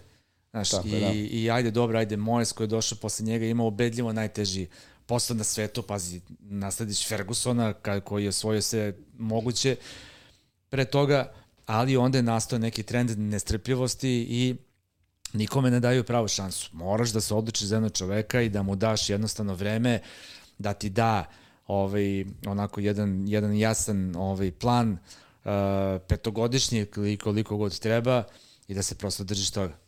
Jasno. Misliš da će doći na kraju do prodaje Uniteda? Si ispratio te vesti možda, navodno? To sam jutro se video, ili sinoć. Nisam. Novosti. Pa, navodno je dogovorena cena. Ako se ne varam, to je šest... To je, oni kažu billions, dakle, to je kod nas... Milijarde. Milijardi, da.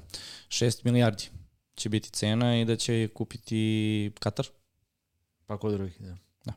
Ove, ovaj, pa mislim... Drži da to rešenje?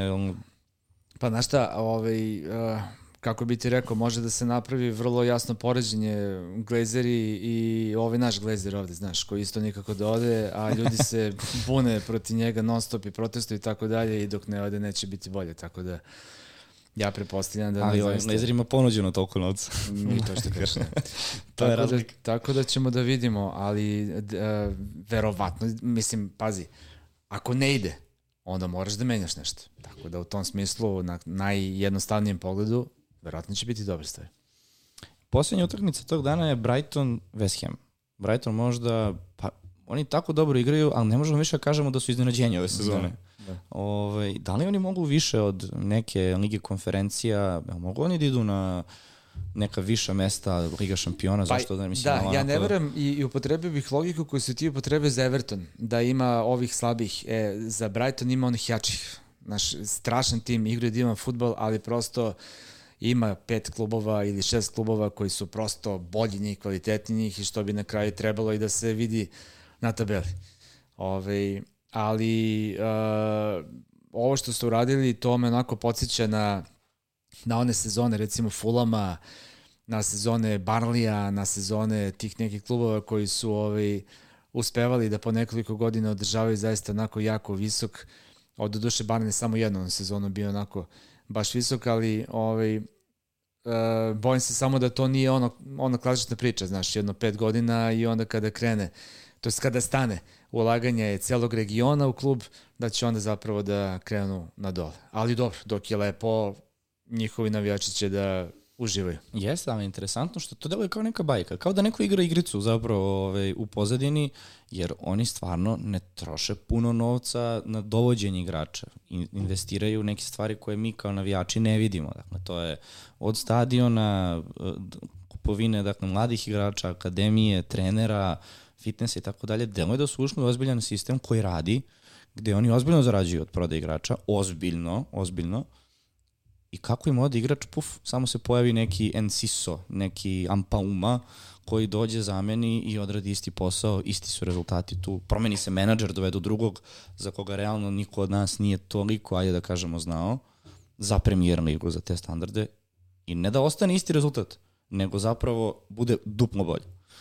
Znaš, uh, pametna politika, pametna strategija i uh, prosto situacija u kojoj se nalazi manji klub koji ne mora da dovodi velika povećanja za velike imena. To navijači Brightona ne očekuju. To očekuju navijači ovih velikih klubova. I onda moraš da odrašiš pare i da daš uh, za jednog čoveka 100 miliona, a možda da nađeš bukvalno u Srpskoj ligi čoveka koji otprilike može da mu parira za 100 puta manje pare. Uh, si vidio šta su radili na znači Malagi? Ma, Malaga je sada treći ligaš.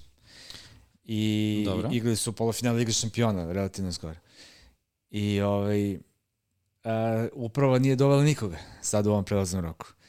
I otišli su na aerodrom, sakupili se i sačekali nekog prvog random lika koji je izašao, nekog kineza, i došli oko njega i okačili mu šalove Malaga i skandirali Mukica, nije znao šta ga je, šta ga je snašlo, ali fenomenalna reakcija. Ali hoću da ti kažem, ajde, ovi su sad otišli u, u drugu krajnost, ali uh, uh, u Brightonu i ne očekuju da, da sada naravno mogu da privuku tako velike imena, tako da i ljudi koji vode klub mogu da uh, razmišljaju na drugačiji način na jednostavno uh, uh, i znatno zahvalniji način nego što je uloga ovih ovi, u ovim velikim klubovima. Tako da ako si dovoljno pametan, ako znaš šta ti je cilj, onda ćeš za dovoljno pare naći svakako dovoljno kvalitetni igrače, dovećeš te ovaj, anonimuse koje, ovaj, za koje ni navijači nisu čuli, a koji su svakako dovoljno kvalitetni da evo sad u duši kao jebote, odakle oni rastu. Pa i Kajsedo kad je došao u suštini ko je bio Kajsedo. Pa jeste, jeste, jeste. Sad je najskuplje pojačanje. Tako je. Tako. U stvari, jel da, on je sad zvanično najskuplje pojačanje. Da.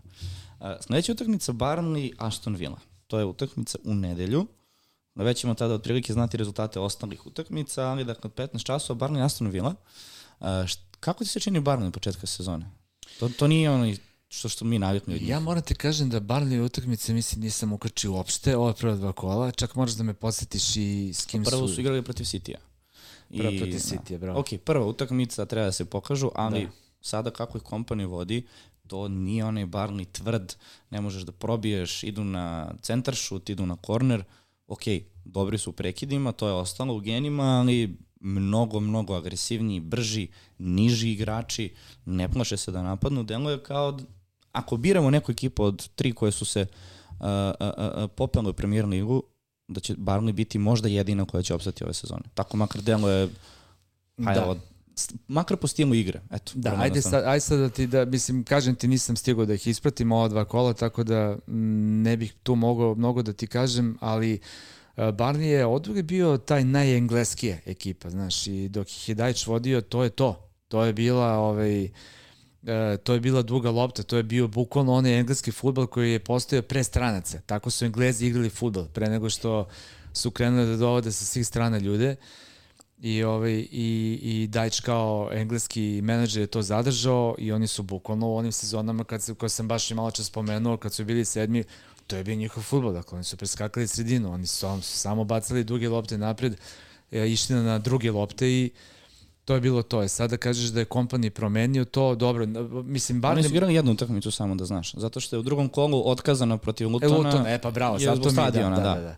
Ove, uh, oni su uvek na prekide i, i, i igrali na prekide, tu su bili jaki, uvek su imali te ono, rmpalije za skoki u defanzivi i napred i, ove, i ne znam, ja kompanije gotivim, znaš, čini mi se da ovaj, ono sa Anderlechtom, tu su, ga, tu su ga malo bacili u vatru i to je bilo malo, dobro, to je bila i njegova želja, mislim, ajde, to je bilo i njegov neki poligon da se iskaže šta i kako, sad na ovoj velikoj sceni ćemo da vidimo, ali on prosto je bio jedan uh, intelektualac, uh, jeste da je bio onako defanzivac gde nije bilo uh, zahtevano mnogo kreativnosti, ali prosto videlo se da on ima futbol u malom prstu, tako da kao takav i kao igrač sa velikim ovaj, futbolskim uh, uh, i trener sa velikim futbolskim IQ-em, da može da uradi mnogo toga. Aston Villa? Pa šta beš, ono katastrofa Newcastle prvo kolo i sad su razmontirali Everton, je tako? Da. Ove, ovaj, pa ne znam, evo baš danas radim ovaj konfer ligu konferencija, radim uh, Hibernians Aston Villa. Uh, Pa me zove posle utakmice da kažem ovaj, šta mislim. Mada, ok, ovaj, kapiram da će Emery da igra sa sasvim drugačijim timom danas, znaš, da će da ovaj, realno sa Škotima u Ligi konferencija ne treba da se igra. Isprobaće sigurno nešto. Isprobaće neke stvari, ajde da se ne lažemo, čak i kad bi ostao bez Lige konferencija, to ne bi previše pogodilo Aston Villa, znaš, jer ipak je fokus na premier ligi. Oni dupno više zarade od pozicije na, bolje pozicije u premier ligi nego od Lige konferencija. Ali... I oni se ne pale na Evropu.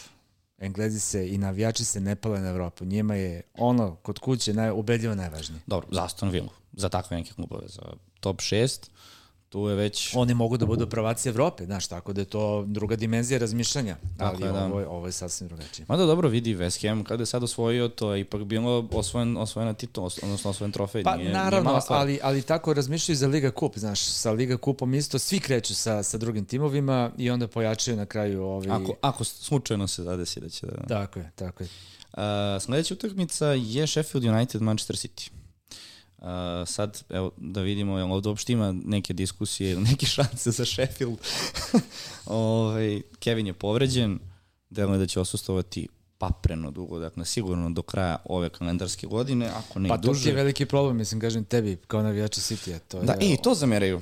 Kada pričamo i onda kažemo, pa dobro, evo City igra, šta ti misliš? Ja kažem, pa igraćemo, igra, mnogo zameraju. Znaš, kažem, ja ti kažem, neutralnog ugla kao da... Ja ti, ja ti, ja ti kažem, ovaj, uh, uh, ljudi su, uh, znaš, neverovatni, oni, ja sam stalno dobio poruke, zašto lažeš kad navijaš za ovog? Za Liverpool, za Arsenal, za United, za ovog, dakle, uh, čim se desi nešto, da pričaš o superlativu, čim jedna ekipa odigra dobro i ti hvališ tu ekipu, ti si automatski njihov navijač. Da. Ne, brate, nego samo volim sport, volim futbol, volim kad neko igra dobro i to treba prosto i da, i da opohvali. E, moram ti kažem, samo zaboravio sam, vezan za fantasy, što je bio jedan od razloga zašto sam prestao da igram fantasy. Uh, uticalo je na komentarisanje. Opa, Dakle, dobro. uh, sećam se tačno United igrao protiv nekoga i ja ispadnem šmeker i stavim Vidića za kapitena i imam još dvojicu defanzivaca iz Uniteda. I vidiš da gol, oni vode 1-0 i primaju gol i mislim da je bilo posle i 2-0 i primaju gol u 90. minutu i ja gubim koliko pojena sad izračuni. Dakle, sa tri defanzivca koji primaju gol, Tri ovi, puta tri puta toliko, Vidić kapiten još toliko, ja gubim jedno 15 pojena, nema pojma. Ja sam bio kao da si mi tresno nekom, nekom ne, ne znam čime, nekim kamenom si me tresno. Ja do kraja srećem bila je nadoknada, ja provalim, ne, ne znam da li se to videlo, jer sam dao dodatni napor da se ne primeti koliko sam se smorio što je pao gol, što je United primio gol. Ovaj, I onda sam, eto, i zbog toga u stvari uklavirio da, eto, zaista može da bude to- nezgodno. To, mi nije palo na pamet, ali da, to stvarno može da utiče Kako da ne? profesionalno. Kako da, da da, ne? da, da. Ove, dakle, stali smo šta može United protiv City-a. Sheffield, da. E, da, da, ovi Sheffield, pa dobro, Sheffield United to. Da, da. Ove, uh, pa šta može, mislim, ali dobro vidi, uh, City, City, problem je što sada na svakoj utakmici ovakvog tipa već su upisane tri boda. Znaš, i ajde, što to navijači čega, što ti očekuješ? To, to je, ja otprilike kao, ok, idemo dalje, znaš, to je, A veruj mi, tako je otprilike sa igračima. I oni su svesni svog kvaliteta. I sada ti kao trener, Guardiola sa saradnicima, nema samo obavezu da spremi utakmicu taktički, nego da im glave setuje kako treba. Da. I po tome se vidi veličina u stvari jednog kluba koji je dobar i koji u kontinuitetu nastavlja da pravi te jako dobre rezultate.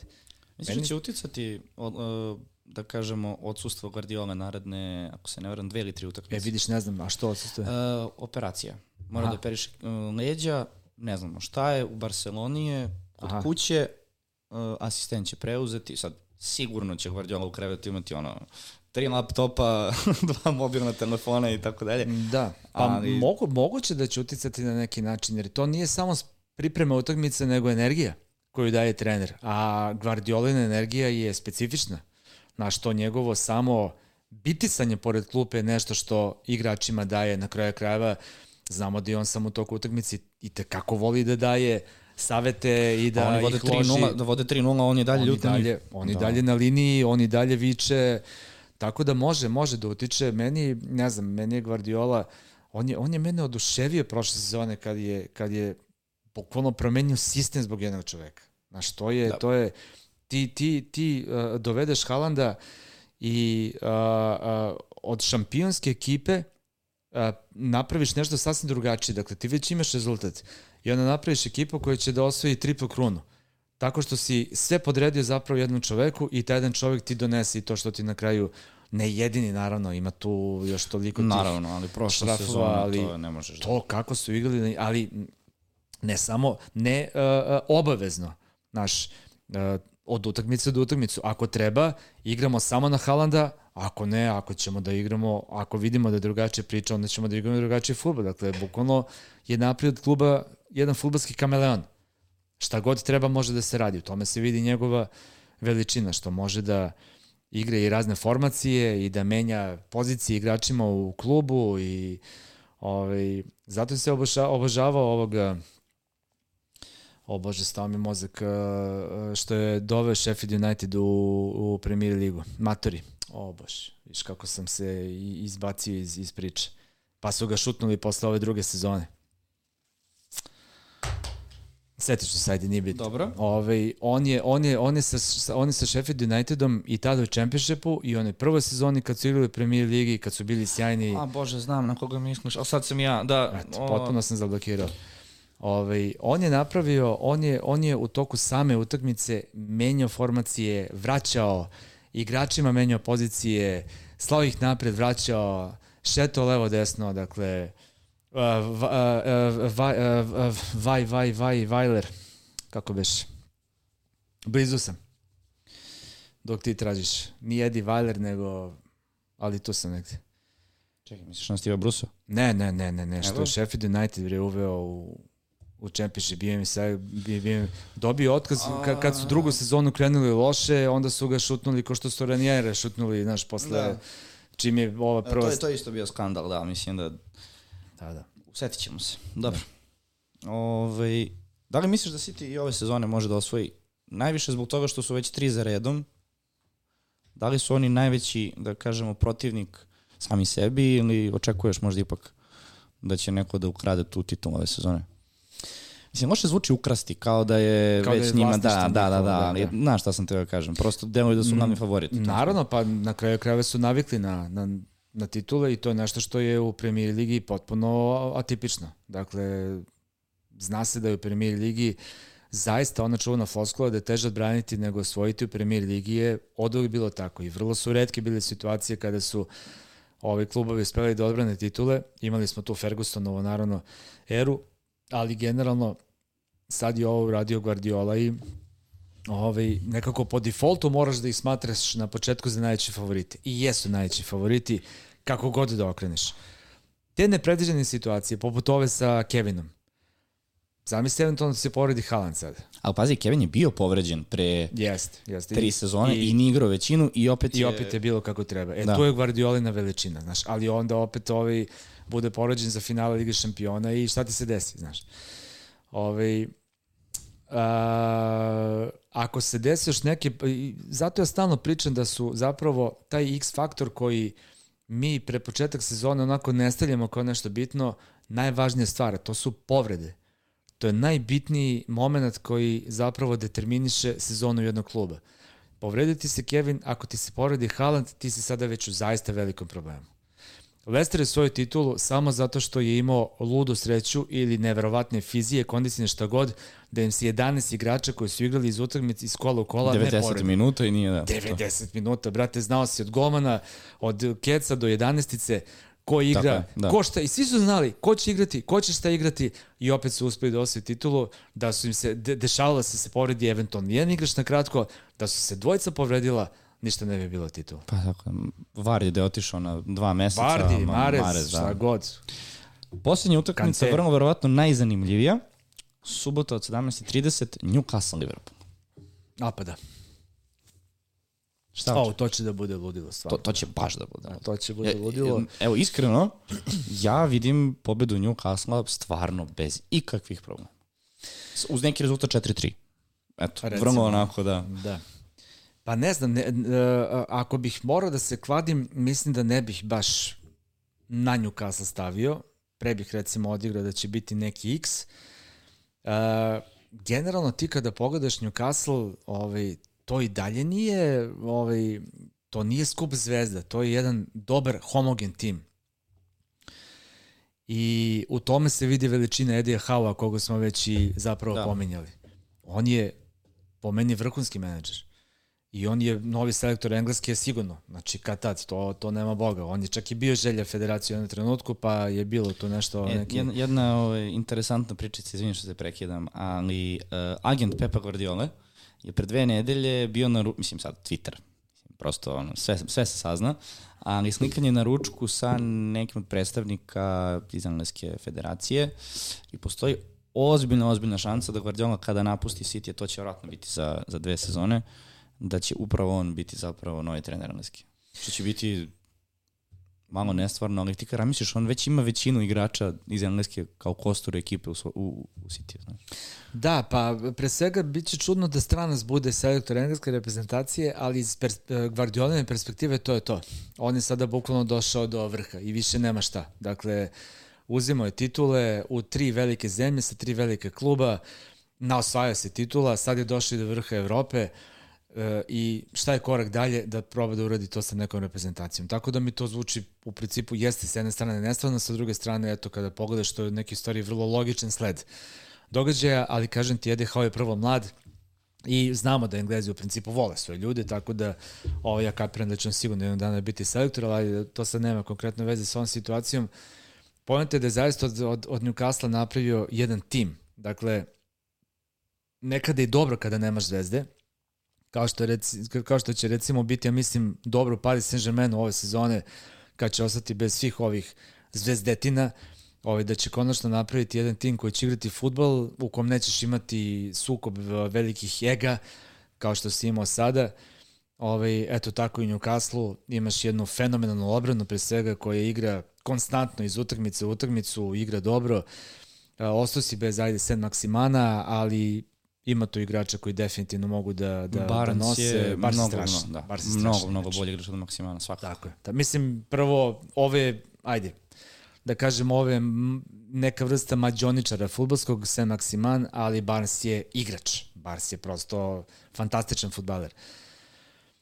Tako da, eto, kažem ti, ja mislim da ovaj, će biti dobri i da su oni ti koji će odlučiti, ovaj, ajde, da li će recimo Arsenal biti u Ligi šampiona ili ne, ali nekako ja i dalje kada vidim Liverpool i kada vidim Klopa, znaš, to je i dalje prosto tim koji igra fantastično, iako i Klop ima onako neke svoje sada čudne momente i neke stvari koje se mene ne dopadaju i sa Trent Aleksanderom pre, pre svega mislim ovaj, Aleksandar Arnoldom to njegovo ovaj, izlačenje sa pozicije beka, ali dobro, ajde, to već igraju u reprezentaciji, pa vidit ćemo. Ajde, upravo tako. Sad da ti nama pomogneš, sad ću ja ti pročitam otprilike kako mi ekipu imamo za sad. Sad će ljudi da pitaju zašto niste odradili ranije izmene i gubite novac, pa moramo da sačekamo gosta u studiju, tako da prilagođavamo se situaciji. U banci nam je ostalo 0,3 miliona. E, imam utisak kao, kao da nekom zavisniku koji nije, razumeš, pušio cigare dosta dugo, ovako guram Ko da si me, da si me vratio u, ško, u školu sada, znaš, kao, šta je. Ove, dakle, ostalo je 3 0,3 miliona. Na golu imamo Onanu i Tarnera. Uh, u odbrani Gabriel, Estupinjan, Chilwell, Kabore i Boldog. Sa nekom idejom da su Kabore i Boldog naravno klupa, Estupinjan, Chilwell starteri i Gabriel koji nam je bio starter, ali do sad nije igrao. Mislim, uđe, ali to nije to. Sredina Saka, Mitoma, Eze, Salah, Bruno. Napad, Visa, Haaland i na klupi Čekaj, pro, uh, United Bruno. Da, da, da, da Bruno, Dobro. Bruno Hraneš, da. Da li treba nešto da menjamo? Izvini, da napred, li, napred. napred, Visa, Haaland i na klupi je Mubama iz, iz West Hama. Sad, ovo je kao da sam te pitao, odmah mi daje odgovor, ali mislim, možemo zajedno da prođemo, mogu opet i pročitam ovaj, naredne utakmice, otprilike neki raspored. Um, da li imaš neki pik odmah? Pa pazi, sad, sad ovako napamet, znaš, ovaj, sad ne mogu da uklavirim ko s kim igra, šta kako, što je naravno jako bitno. Pa evo ovako da ti skrenem pažnju na, na probleme u ekipi. Da, Možda eto, tako da, da, da, jednostavno. može. dakle, vidi, e, Onana i Turner za sad deluju dobre opcije. Onana stvarno ozbiljno brani, donosit će poene. Možda nije momena da ga Podsjeti prodajemo. me United s kim igra sad. Ovako, United ti naredne utakmice igra protiv uh, prvo Nottingham Foresta, Da, dobro. pa onda igraju Arsenal, Brighton, Burnley, Crystal Palace i Pa dalje, dobro, dalje, držiš dalje. ga, znači na golu, to je to. Tako je. Odbrana uh, Kaborea i Boldoka od 4 miliona držimo na klupi za sada. E, tu je sad pitanje. Stupinjan, što se kaže, neće niđe. On ostaje u ekipi definitivno. Chilwell done bodove protiv Liverpoola, sad ovaj nastup protiv West Hama pitanje, ali Chelsea ima jako dobar raspored. Uh, Chelsea ima raspored Luton, Nottingham, Forest, Bournemouth. A ja, što bi rekli, ja u Chilwella verujem, znaš, on je meni dobar igrač i odličan je u ofanzivi, znaš, tako da njegove centaršutevi se ovaj, koriste, tako da mislim da je koristan, prosto treba ga držati. Uh, Gabriel nam je jedan upitnik iz razloga što nismo znali da li igra ili ne igra zbog uh, Saudijske Arabije, šta se dešava, promene sistema. Izgleda da je u pitanju promena sistema. E sad, sa ovim povredama, ja stvarno ne znam ko može da, da zameni tu poziciju, a da opet ostavi Gabriel na klupi. Tako da možemo očekivati Da će igrati. da će igrati, a igraju protiv Fulama kod kuće. Tako da, znači imamo opciju da ga prodajemo sad, da nađemo zamenu ili eventualno da mu damo još jednu šansu. Ja ga To- ne bi dirao. dobro. Ove, sredina.